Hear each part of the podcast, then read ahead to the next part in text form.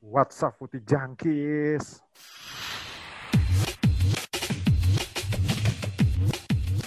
Tahu apa kamu soal bola?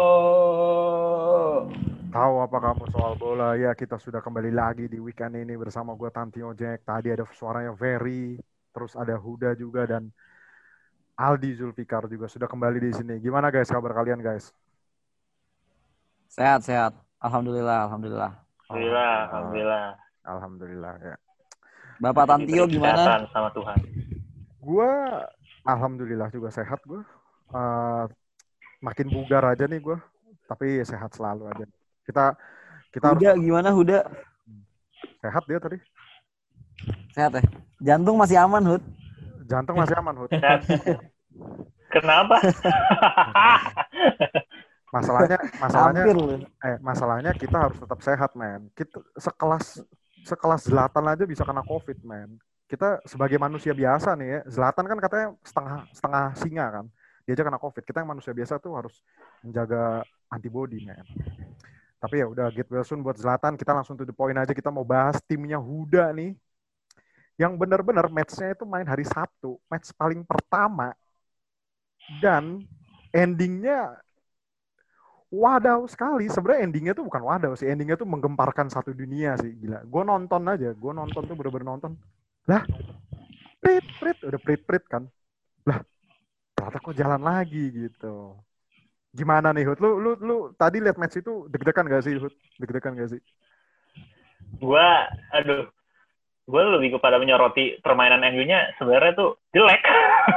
Setuju, setuju. Kalau dibilang jelek, Setuju. Jelek. bahkan bahkan komentatornya Mola komentator gue nonton di Mola aja ngomongnya emang ini match harusnya emang dua sama oleh Gunnar Solskjaer kan diwawancara kan katanya ya lebih versi emang kalau dua-dua ngomong gitu kan di wawancaranya di wawancara ngomong gitu Iya. Dia mengakui emang permainannya jelek gitu. Shootnya Brighton itu kalau nggak salah ada lima ya yang kena tiang total itu. Itu lima lima bener-bener hancur-hancuran lah. Tapi balik lagi, kadang sepak bola nggak bisa ditebak endingnya. sepak bola nggak bisa ditebak. Nah ini kalau gue mau bacain statistiknya nih. Statistiknya tuh ya Brighton total shotnya aja tuh 18 anjir. Total shot 18 on targetnya 5 terus tiangnya bener tadi hit the woodworknya tuh 5 cuy. Big chance-nya tuh juga 5 MU big chance-nya cuma 2 ya. Jumlah passingnya lebih banyak Brighton. Semuanya tuh lebih unggul Brighton gitu loh. Bahkan semua fans MU banyak yang ngakuin kalau ya udah nih lebih cocok katanya seri ya.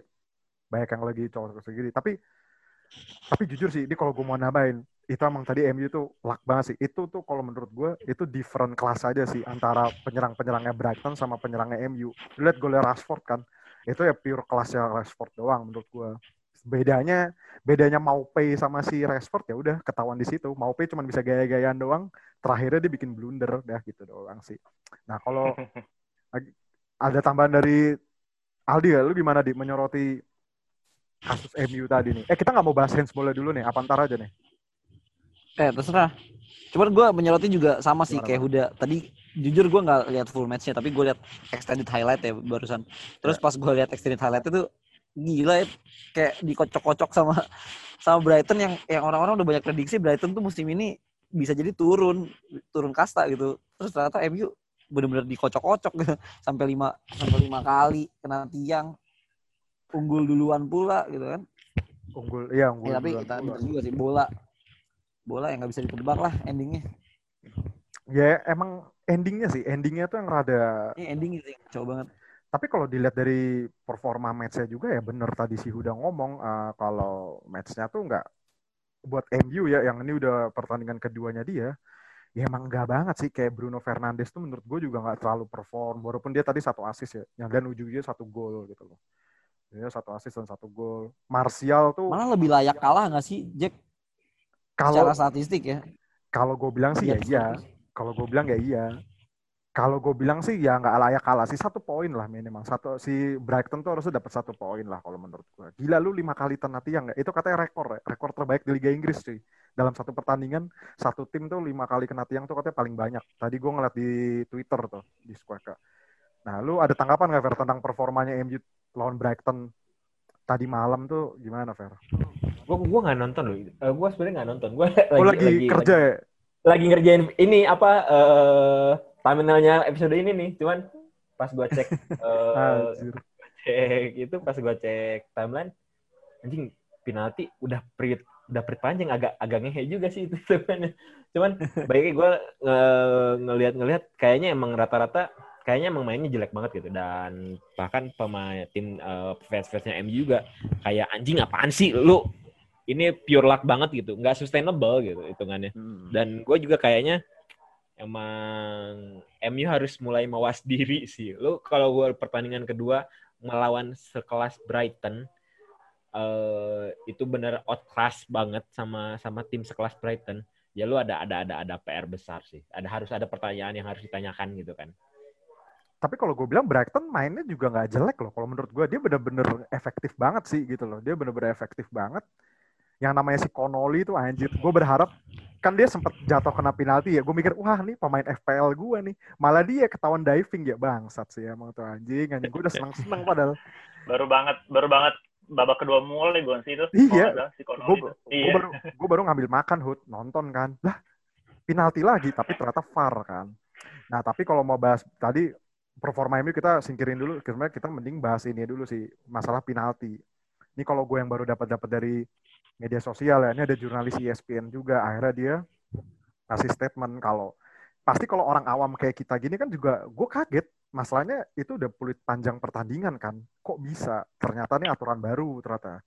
Katanya tuh dua tahun lalu si Mainz ya, Mainz tuh pernah kayak gini juga nih. Mainz lawan Freiburg itu udah full time, tapi dicek VAR ya. Sampai pemainnya tuh udah sampai masuk ke locker room cuy. Disuruh ngambil penalti lagi. Itu kalau di videonya ada kok, di videonya ada. Dan ternyata ini emang aturan baru. Eh, ada artikelnya ini. Bahkan gue tadi nemu ada PDF-nya lagi di Twitter. Gila, niat banget sih. Ada yang nge-share PDF-nya cuy. Bener-bener ada yang nge-share PDF-nya dan ya itu emang bis kebijakan dari peraturan baru gara-gara ada VAR ya emang di tergantung VAR-nya dan tergantung wasitnya juga ternyata kalau gue lihat dari statement di kebijakan baru ini gitu loh kan sempat perdebatan kan kayak wah Manchester United is back ya nggak sih tapi kalau gue bilang kalau kalau gue bilang itu handsball handsball sih setuju nggak gue sih handsball kalau gue kalau gue Iya, gua gua gua lihat fotonya kok itu ben- emang Iya. beneran handsball. itu benar handsball karena kan aturan tangannya ke mana-mana itu. Ya tangannya udah begini cuy, udah apa? Udah udah kayak main Iya. volley. tangannya udah kayak main volley. Kan kalau nggak salah gue baca ya, kayaknya mulai dari musim kemarin, kalau nggak tahu gue nggak tahu ya, mungkin Liga Inggris baru musim sekarang. Di Liga Italia itu musim kemarin juga pasif pun itu juga handsball kok. Gue soalnya masih inget banget yang kasusnya Atalanta lawan Juve itu si siapa Muriel itu tangannya padahal bener-bener pasif tapi tetap handsball gitu. Mungkin di Liga Inggris sekarang juga kayak pasif pasti handsball juga deh atau ngelewatin lengan gue tuh bacanya pernah ngelewatin lengan apa siku itu udah pasti handsball apa nggak handsball kalau di bawah itu pasti handsball gitu tapi gimana Hut lu puas nggak sih sama performa Man United setelah match kedua ini walaupun menang ya menangnya juga Ya. gitu sih anjir Iya, tadi kan gue udah sempet bahas, eh, udah sempet jawab gue di awal. Gue menyoroti performanya ya, ya nggak puas lah kalau sebagai fans ya. Kita sebagai fans ngelihat walaupun itu menang ya, sebenarnya kurang puas. Tapi it's important dah tiga poin yang sangat penting lah menurut gue untuk ngebangkitin kepercayaan bahwa ternyata masih ada secercah harapan di musim ini nih. Di awalnya itu nggak, ya baratnya lu masih nggak nggak akan ketinggalan jauh lah dari yang masih baru dua tiga pertandingan ini gitu. Walaupun menurut gue drama itu kan sangat sangat apa ya sangat umum lah di sepak bola gitu. Jadi ya kalau kalau gue ramenya di Twitter di timeline gitu kan pada ya MU pakai ini nih gosok vouchernya lagi nih di menit terakhir nih Ah. biar dapat penalti lagi. tapi yang lucu yang lucu kalau kalian punya aplikasi Premier League ya di HP kalian di smartphone kalian itu udah ada udah ada notif full time loh sumpah Iya, udah ada notif full Iya. time. udah ada notif Hmm. full time. Gue soalnya kan punya tuh buat ngecek FPL kan. Itu ada notif full time di gue. Anjir lupa gue screenshot aja. Tapi pasti banyak kok fotonya. Itu sih yang lucu. Terus tiba-tiba muncul lagi lah full time-nya dua kali gitu anjir. Bangsat sih. Itu lucu banget sih. Tapi ya ya gimana ya? Gimana di lu menyoroti hasil MU kira-kira masih yakin gak sih si MU ini sama si Ole Gunnar Solskjaer ini nih? Kalau menurut lu sendiri? Gue, eh gue intermezzo dikit ya. Sebenarnya kan kita tuh, Oh ya. eh, ini FYI nih, kita tuh udah take Oh. eh, Nang MU kemarin sebenarnya. Iya. Cuman ini special case banget nih. Jadi minta dibahas ya MU nih. Timnya Iya. Huda nih minta dibahas banget. Emang Kalau kalau nggak kalau ya- nggak MU nggak makan emang berarti. Bener bener bener. Kalau kalau nggak MU nggak makan. Kalau nggak MU nggak makan. Ya, tapi kalau gue nyorotinnya ini sih, gue malah pengen nanya sama Huda. Menurut lu kalau dari match tadi, sebenarnya titik lemahnya MU itu di mana sih? Hud? aduh gue kalau menyorotin tadi tuh lini gue gue cuman bisa bilang yang bisa main bagus ya menurut gue cuma Luke Shaw si Bruno lumayan lah passingnya sama si eh, mungkin Pogba sebenarnya di babak pertama sama awal sama awal babak kedua gitu. Sisanya tuh jelek banget Martial apalagi ya. Jadi kalau menurut gue ya ya itu hampir hampir secara kolektif itu kalah banget MU itu sama si Brighton. Sedangkan Brighton kalau lihat eh, dari di nggak usah bicara soal statistik lah, eh, cara mainnya itu asik gitu. Dia tuh eh, dengan formasi 3 back kan. Dan dan yang gua masih bisa heran itu kenapa si Lindelof masih tetap dimainin. Padahal kita sudah sempat bahas kayaknya kemarin hancur-hancur lah Lindelof. Dan akhirnya malah dipasang Lindelof lagi kayak udah banyak yang prediksi bakal ah ini gawat nih pertahanan ya tapi ya balik lagi kadang gua secara kolektif ya nggak puas tapi secara hasil ya cukup tenang lah Tapi justru Nah, kalau kalau gue gimana gimana deh? Lu dulu deh. Kalau gue ngejawab pertanyaan lu dulu deh Jack tadi gue terus sebenarnya gue Oh, juga iya. pengen tahu aja kalau dari sisi fans MU itu gimana.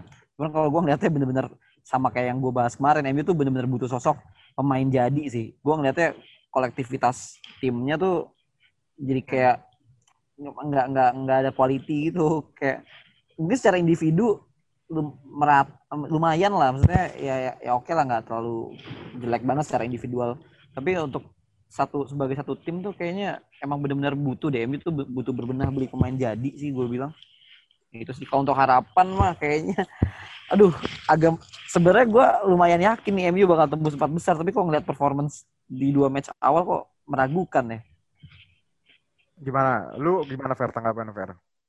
Lu masih optimis gak si MU ini kira-kira ya gimana? Ya, ya lu salah pertanyaannya kalau gue optimis atau enggak, Pak. Gue bukan fans MU, Pak. Enggak maksudnya lu maksudnya lu lu men- jangan optimis nanya yang kalau menurut lu fair dengan Iya, iya. performa seperti itu apakah masih bisa melangkah jauh Gue gue gue salah. Enggak, soalnya, Jack.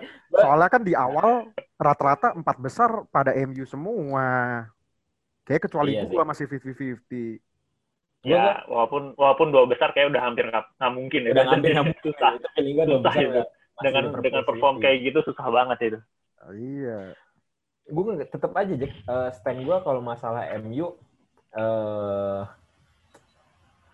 lu nggak bisa berharap eh, bisa menang banyak eh, dengan performa kayak gini gitu. Hitungannya dua dua pertandingan awal feeling gue ini tuh semacam ini sih semacam kayak penyakitnya MU yang dua musim terakhir gitu kan yang jelek-jelek jelek eh, awal-awal jelek gitu kan kelihatan jelek kelihatan jelek.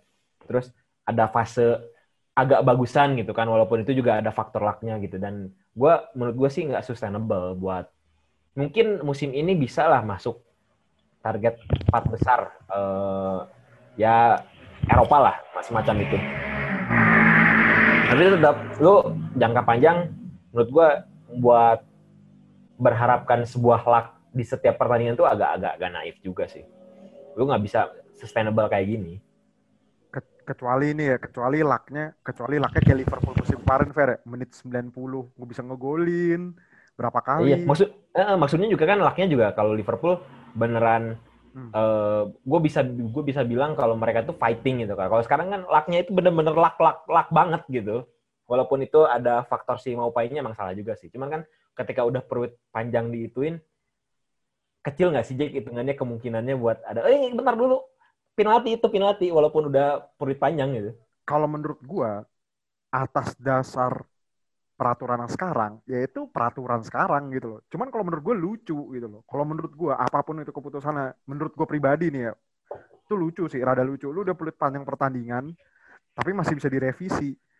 Terus gue baca peraturannya tadi itu, eh, kecuali wasit sudah meninggalkan lapangan ya, atau wasitnya Hmm. kebelet berak gitu. Kalau coba tadi kalau wasitnya kebelet boker gitu, kebelet kencing gitu. itu pasti seri tadi gitu loh.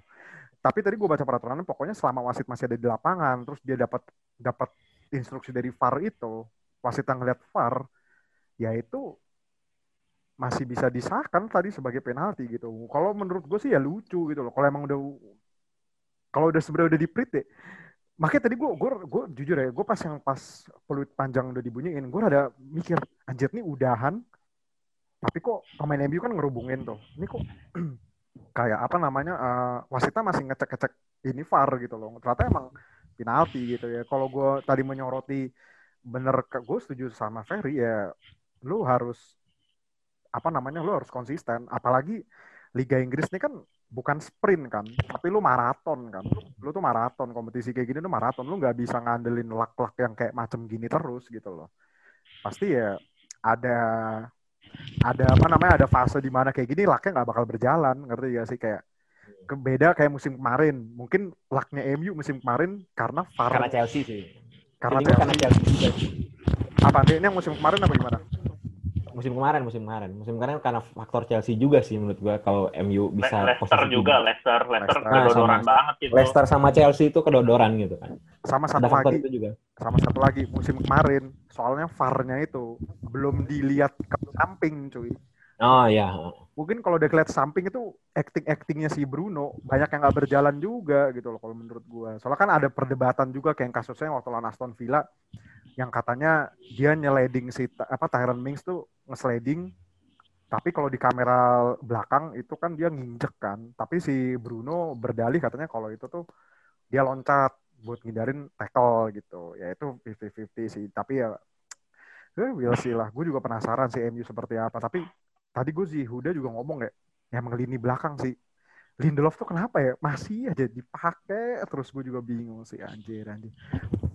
Martia tapi itu Ini- tuh itu menghiasi loh. Maksud gua banyak banget yang ber- mendebat gitu. Baik kan eh, forum-forum fans MU sendiri pada bilang kan kenapa masih Lindelof yang dipasang gitu? Eh, Bailey harusnya yang jadi starter gitu. Cuman gua nggak ngerti lagi sih Eh, apa entah itu masih dikasih kesempatan sekali lagi atau memang atau memang ya Bailey masih belum fit setelah main gua nggak ngerti sih. Jadi hancur sih itu kalau misalkan eh, ini. Ya, dikira untuk masih ada Luke Shaw sih. Gue masih berharapnya masih ada dia masih fit terus sih. Kalau enggak bisa kanan kiri bisa kedodoran banget dan tengahnya hancur banget sih. Atau atau jangan-jangan si Lindelof punya video bokepnya si Ole kali ya? Jangan-jangan ya. Makanya dimainin terus gitu loh tapi sebenarnya gue gue mau ngutip per per apa tag yang sebelum ini nih yang nggak jadi tayang ya yang sebelum ini yang sebelum tag ulang. Kan si siapa? Si Aldi ngomong ya kalau si Marti Martial ini nih kayak bukan sosok goal getter yang bisa diandalin MU banget yang semusim tuh bisa dapat 20 gol gitu loh. Tapi gue setuju sih gue ngeliat dua pertandingan sama Martial kayak gini terus kayak performa performa kemarin pas di ini lockdown lockdown itu kan Martial nggak sebagus Rashford gitu loh nggak sebagus Rashford gitu. Gimana kalau menurut kalian apa emang nih Martial nih sosok yang bukan yang goal getter banget nggak sih? Apa mau ngandelin Igalo? Kan cuma Igalo kan pilihannya kan? Gak lagi. Walaupun akhirnya tadi nggak ada di cadangan. Oh Igalo nggak ada di dibuang cadangan. juga. Itu kan kemarin isu isunya si siapa MU mau beli Dominic Calvin uh, Calvin Lewin kan? nah eh Itu lagi nyetak gol tuh. iya Terusan. tuh yang yang punya FPL golin mulu dia golin mulu dia total udah 5 gol ya dia total udah 5 gol Ya, hat-trick kan waktu itu. Tapi enggak kalau beli striker si MU ya kenapa nanggung-nanggung sih ngapain Dominic Calvert-Lewin? Beli siapa ya? Raul Jimenez tuh menurut gue oke. Raul Jimenez. Terus sekalian aja Iya, sekalian. sekalian Harry striker. Kane aja lah Cavani aja sekalian. sekalian Siapa? Cavani lah kalau Iya. nyari yang gratis mah Nah, kalau mau kalau mau bayar Harry Kane tadi kata Ferry kan. Kalau mau gratis Cavani bener, bener Cavani. Dan menurut gue kan Cavani kan gajinya tinggi ya. Gue yakin MU tuh bisa bayar sih menurut gue, bayar Cavani. Ternyata dia desas-desus juga belum jelas kan Cavani itu. Katanya ke Benfica ternyata juga nggak jadi kan. Gitu. Mm-mm. Tapi emang apakah kalau menurut lu sendiri deh Hud, lu masih percaya sama sosok Anthony Martial nggak sih Hud? Atau meng- mengembalikan Rashford ke posisi striker lagi? Justru kalau menurut gua sebenarnya eh, kalau lu ngeliat tadi permainannya ya Iya. ketika Rashford, Greenwood dan juga Martial main bareng, mereka tuh suka tuker-tukeran tempat loh. Kan Ya. tergantung di mana posisinya gitu kan. Kadang Hmm. si Rashford ke tengah, Martial di kiri, kadang si Greenwood yang ke tengah atau ke kiri gitu. Sebenarnya variatif untuk di lapangan terjadi pun mereka bisa tukeran posisi cuman entah kenapa dua pertanyaan awal ini si Martial emang jadi striker tengah benar-benar kacau sih. Da- tadi pun juga banyak kesempatan yang bisa serangan balik itu dia yang bawa kerebut gitu. Hmm. Menurut gue sayang banget untung tuh seorang Rashford tadi kelas sih memang dia masih dia mampu ngecoh dua kali si Ben White itu keren sih dan dia sangat tenang gitu depan.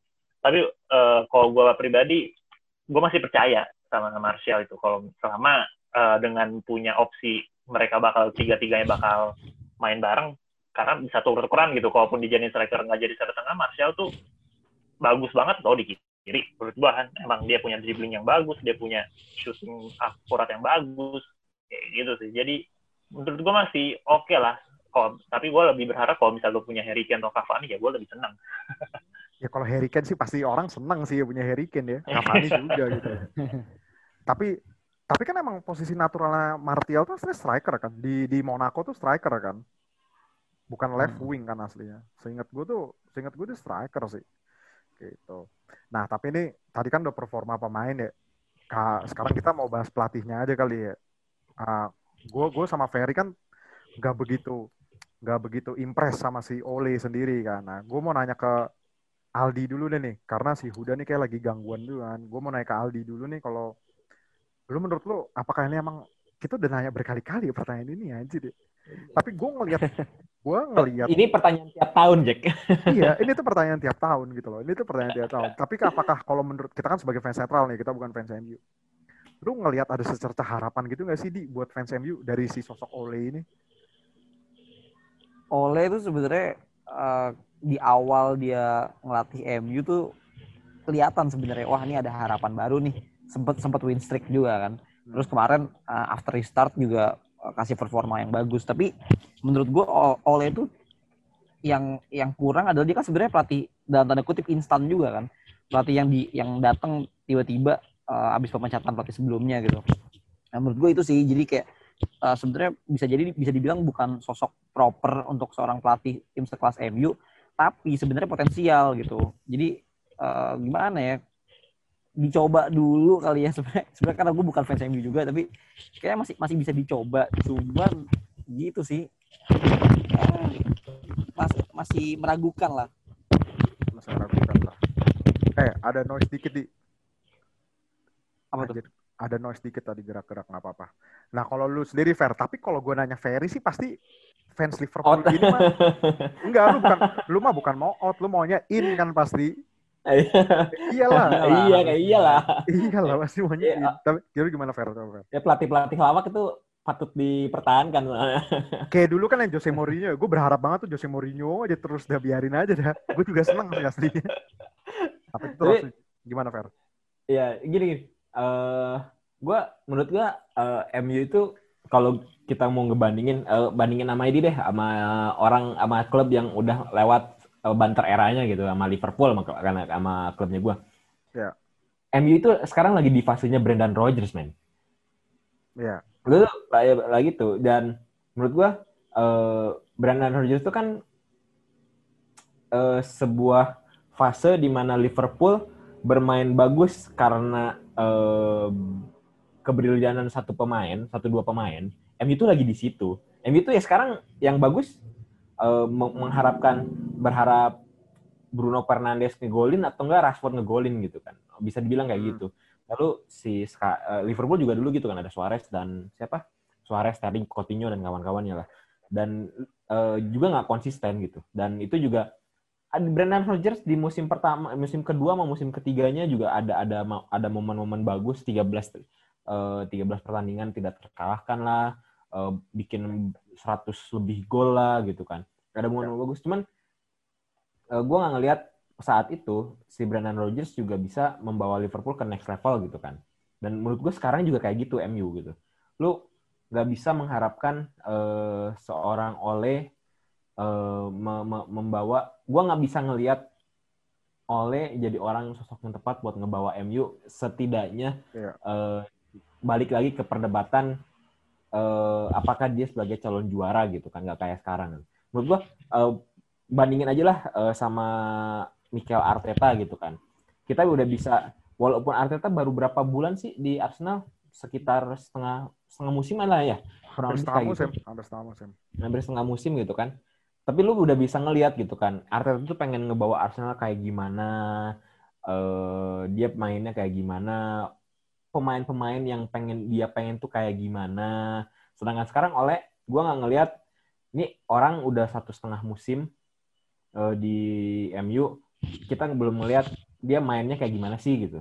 Eh, tipikal-tipikal pemain yang dia pengen itu seperti apa gitu. Apa cuman sekedar beli superstar eh, dengan sosok seorang Jadon Sancho kah? Atau justru tapi tanpa rencana yang jelas menurut gua juga agak agak sia-sia juga gitu kan. Kayak gitu loh. Menurut gua MU tetap butuh eh, sosok yang punya visi lah bisa dibilang kayak gitu buat ke depannya. Yang punya eh, ciri khas yang punya juga eh, rencana yang jelas gitu kan. Bukan cuman sekedar nambal nambal A terus juga dia eh, tetapi B-nya ketinggalan gitu kan. Dia nggak punya nggak punya sebuah fondasi yang benar-benar bagus gitu. Bisa dibilang kayak gitu. Ini sih lebih tepatnya kayak ciri khas permainan nggak sih? Lebih ke filosofi mungkin kan ya. hmm bisa jadi Jadi lebih ke, ke filosofi ya. Gue juga nambahin tadi ya, gue setuju sih kayak gue nggak ngelihat yang kayak kalau dibandingin sama Mikel Arteta lah ya. Arteta tuh walaupun Arsenal ada di saat ada di fase di mana dia bermain jelek, di saat dia bermain bagus, kita juga nggak bisa bilang sekarang Arsenal tuh kayak yang zaman Wenger gitu loh, mainnya tuh indah, mainnya enggak. Gue bilang Arsenal sekarang mainnya B aja gitu loh, mainnya B aja gitu. Tapi gue salutnya sama Arsenal tuh lu bisa memaksi- ma- memaksimalkan kapasitas pemain yang lu punya gitu loh. Maksud gue kayak ya lu nggak bisa kalau emang lu nggak punya pemain ini ya udah gitu ya. Tapi lu masih bisa berprestasi gitu loh seenggaknya gitu. Tapi sedangkan kalau Ole ini ya gue setuju dia kayak bukan pelatih yang bisa membawa MU ke next level sih. Beda kayak pelatih yang kayak Jurgen Klopp kayak Pep Guardiola atau bahkan Nagelsmann atau kayak yang sekarang lagi yang angkat-angkatnya kayak Hans Dieter Flick tuh kan di Bayern Munchen kayak ya nggak bisa konsisten aja. Karena gue jujur aja gue nggak pernah tahu sih filosofi permainan yang dibawa oleh ke MU ini apa. Mungkin lebih ke counter attack ya kan. Kan dulu kayak ini banget kan. Sebenarnya dia belajar dari McPhillan gak sih Hood dia McPhillannya si Ferguson Hmm. kan emang kan Ferguson juga mainnya juga gitu kan mainnya kayak counter press nggak nggak counter press sih dia lebih ke counter attack sih ya bukan counter press dia Counter attack. Kan salah satu gol Rashford tadi kan counter attack lah bisa dibilang. Nah iya gitu. Nah, tapi yang gue yang gue cermati tuh ya MU si siapa Ole itu nggak pernah memaksimalkan plan B-nya dia gitu. Katakanlah misalkan kita bahas kayak Crystal Palace kemarin, Bruno tuh udah bener-bener mati kan, ibaratnya udah kayak bener-bener nggak bisa ngasih kreativitas. Lu di bench itu masih punya Juan Mata, salah satu pemain kreativitas walaupun udah habis umurnya, tapi seenggaknya lu punya dua opsi buat ngalirin bola gitu loh, ngerti gak sih? Jadi di saat satu pemain kreatif lu udah mati, lu masih ada satu pemain lagi gitu loh. Malah Mourinho melakukan itu waktu zaman di Madrid, gue masih inget banget Mourinho itu kan pasti mainnya cuma pakai dua DM sama satu attacking midfield kan. Tapi giliran udah ketinggalan atau gimana, pasti dia masukin satu lagi pemain attacking midfield gitu loh, biar kreasinya berubah gitu. Nah itu yang gue ngeliat dari Ole sih, walaupun terkadang Ole masih suka ganti-ganti taktik gitu. ya. Tapi dari segi permainan, ya masih dibilang so-so sih kalau menurut gue sendiri gitu. Sama faktor satu lagi sih menurut gue, dia butuh dirtek sih MU ya. Butuh dirtek. oh ya perlu perlu banget Butuh dirtek sih. Karena kalau lu nggak ada dirtek ya, ntar lu datengin pemain. nih pembeliannya Iya, pemainnya pembelian buat beli buat jual baju doang gitu loh istilahnya buat baju jual baju doang gitu loh. Nah ini kan mumpung udah ada Huda lagi nih. Tapi lu ada keinginan gitu nggak sih kayak anjir nih Ole. Tapi lu tadi udah ngomong di awal kan. eh, mungkin kalau Ole nggak nggak konsisten atau masih kayak gini-gini lagi, lu berarti udah setuju kalau ini waktunya untuk Ole out atau lu masih keep Ole.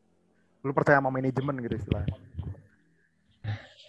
Ya udah dijawab pertama sih Jack menurut gue ya Ya Ya. udah ya. apa pun ya ya lu uh, kayak gue jujur gue suka dengan Ole karena dia punya punya apa ya punya punya memoris yang indah dengan uh, klub klub MU gitu karena dia salah satu legend dia benar-benar uh, lu kalau lu tahu mah ya lu hampir semua orang tahu ya dia tuh penentu kemenangan MU juara treble gitu kan dia tuh benar-benar sosok yang dicintai sebenarnya tapi lama-lama sekarang kita butuh butuh permainan yang menarik, atraktif dan juga trofi gitu sebagai fans. Jadi eh ya gue sih berharap ya oleh cepet-cepet apa ya berubah untuk dari segi taktik dan juga punya apa ya punya wawasan yang luas untuk ganti pemain dan punya cadangan plan A plan B-nya gitu eh, untuk eh, next ke depannya. Menurut gua dengan permainan kayak tadi susah sih gue juga untuk mempercayainya lagi gitu.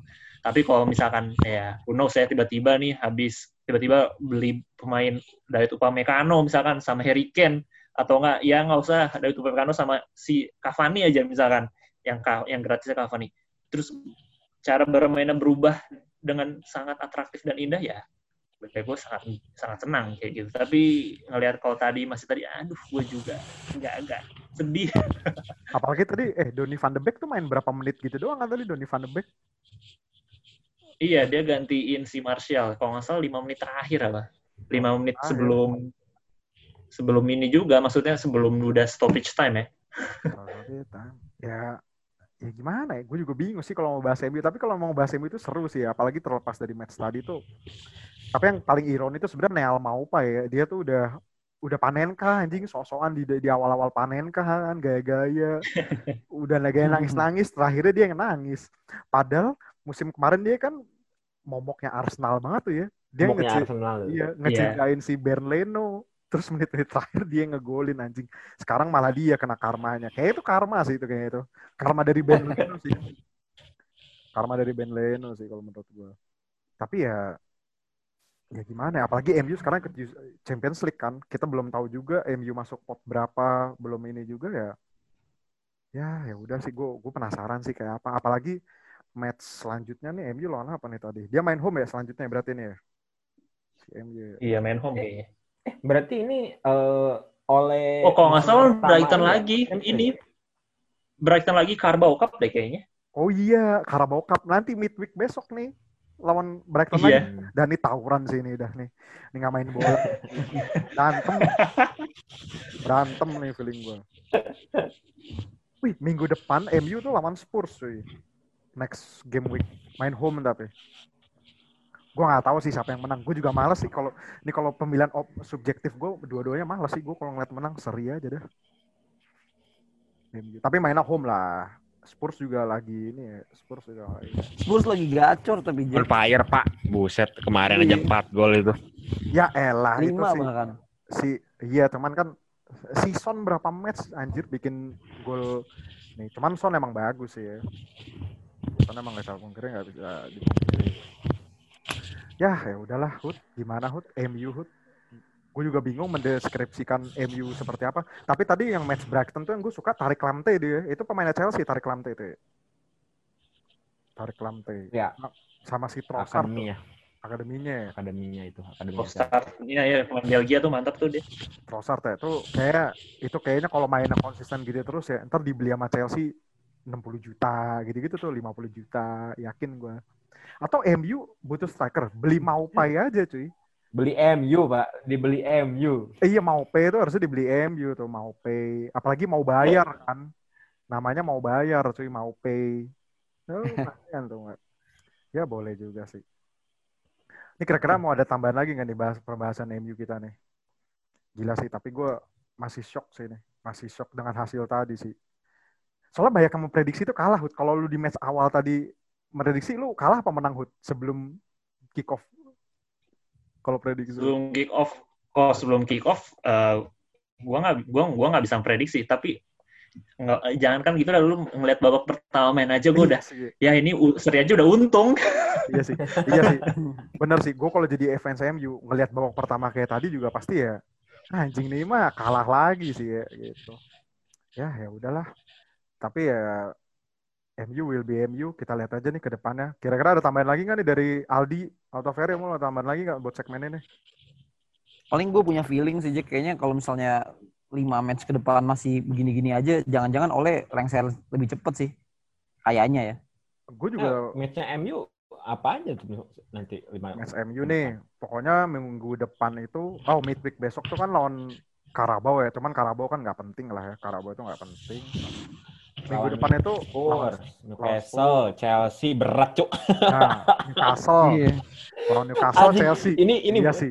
Ini berat seru loh. sih. Iya, ini Spurs, berat sih. Newcastle, Chelsea, Newcastle. Arsenal, Everton. Everton. Eh, kok Everton? Oh ya Arsenal cuy. Arsenal Everton. Bener bener bener. Ini lima Iya, pertandingan berat loh. depan kan?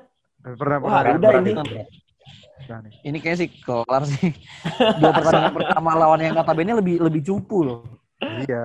Daripada yang lima ke depan. So, Eh, eh, tapi musim lalu Oleh suka kejutan loh lawan tim-tim besar. Chelsea dikalahin dua kali, ya musim lalu Oh iya bisa City bisa. dikalahin dua kali. mungkin aja. Cuman musim lalu masa masa Lampard nggak mau belajar dari kesalahan anjir, kalah mulu nggak mungkin lah. Justru sebenarnya momoknya tuh kesempatan menang cuma datang dari satu tim doang, lawan Newcastle doang aslinya. Lawan Newcastle. Lawan Newcastle. Cuman kadang si MU ini rada susah juga kalau main di St James Park kan musim kemarin juga kalah kan di St James Park, tapi di Old Trafford tuh diobok-obok. Gue sih paling ya kalau nggak seri udah bagus gitu loh kalau menurut gue. Itu sih. Wah tapi ini seru sih nih MU anjing lima pertandingan susah-susah. Lima Untuk- pertandingan. Basi banget ini anjing. Aduh gila. itu itu belum itu belum Liga Champion juga kan? Kayaknya Liga Champion juga mainnya Belum, belum. Oktober kan? Belum belum. Iya. Dia draw drawingnya aja belum kan? Playoffnya aja juga belum. Iya, dulu belum. Ya, ya Playoff-nya udah, Pak. Drawingnya yang belum. udah, drawingnya belum ya. Ya udahlah lo baik-baik berdoa aja Hud. Sering-sering cek kesehatan aja sama jantung. Ya. Ya, Pochettino sih kalau emang beneran ini Pochettino semoga aja. Gue mending berharap Pochettino ya. Ya, itu pilihan pilihan terbaik sekarang pelatih yang lagi lowong ya dia sih ya. Nggak ada lagi kan? Allegri, Allegri. Allegri. Allegri juga. Allegri. Ah ya, Lig- Atau Sari. Sari, Sari. Nah, Sari. Ayo Sari. Udah paling bener lah Sari, makin lawak tuh anjing. Makin lawak. Makin lawak sih. Ya udahlah, kita udah membahas MU. Gila nih sampai tag ulang loh kita gokil sih. Cuman gara-gara match tadi kita tag ulang nggak apa-apa nih. Biar kita totalitas juga. Thank you juga nih buat Ferry, buat Aldi, buat Huda juga. Oh Ah, mungkin gue mau Apa? coba ngomong sekali dikit. gimana gua? Mungkin ya eh, kita mau ngasih kita mau mungkin mau nanya kali ke Futi Jangkis nih kira-kira ada masukan apa nih buat kita nanti next kita mau bahas apa Wah, mungkin atau enggak boleh. ada segmen yang baru atau gimana mungkin Boleh. Nanti DM aja ke Instagram kita, oke? Tenang aja. rame aja Instagram kita yang lihat Iya. Ada lah, setengahnya ada yang follow. Kan Spotify, Spotify nggak bisa komen, Pak. Kalau iya sih Spotify nggak bisa komen nggak bisa Iya. ngasih feedback Iya, iya DM IG aja, udah tenang aja. Di IG-nya kan udah pada tahu juga. Ya siapa tahu ada yang ngasih masukan kan. Waktu itu soalnya ada yang nge-DM, ada yang nge-DM IG sepak pojok kayak nanya, "Min, nobar Real Madrid di Bali di mana?" Lah, gue kagak tahu loh gue gituin. serius. Serius, gue pernah gue pernah dapat DM kayak gitu serius. Tapi lu gue kasih lihat, gue pernah dapat DM kayak gitu serius deh. Ya ya udahlah. Tadinya mau closing jadi maju lagi ya. Udah, ini kita closing beneran. Thank you semuanya. Tahu apa kamu soal bola?